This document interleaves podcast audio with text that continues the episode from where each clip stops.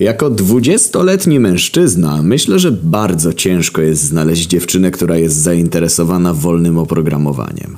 Zdarzało się, że laski namawiały mnie na Netflix and chill, ale gdy mówię im, że nie używam Netflixa, ponieważ Netflix wymaga oprogramowania o zamkniętym kodzie źródłowym do strumieniowania treści, przestają ze mną rozmawiać, a co gorsza, jeśli jednak do mnie wpadną, myślą, że jestem dziwny, ponieważ zablokowałem adresy IP Google'a w moim pliku hosta i nie możemy nawet oglądać YouTube'a.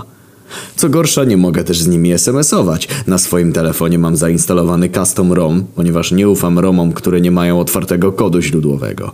Ze względów bezpieczeństwa nie korzystam też ze standardu SMS. Kiedy już jakaś dziewczyna da mi swój numer, proszę ją o ściągnięcie darmowego komunikatora o otwartym kodzie źródłowym i wysyłam jej mój publiczny klucz GPG, żebyśmy mogli sprawdzić, czy nasze rozmowy są bezpieczne.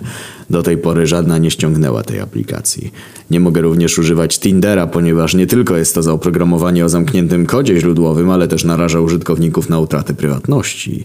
Dlaczego tak ciężko jest znaleźć dziewczynę, która interesuje się wolnym oprogramowaniem? Jak tak dalej pójdzie, zostanę prawiczkiem już na zawsze.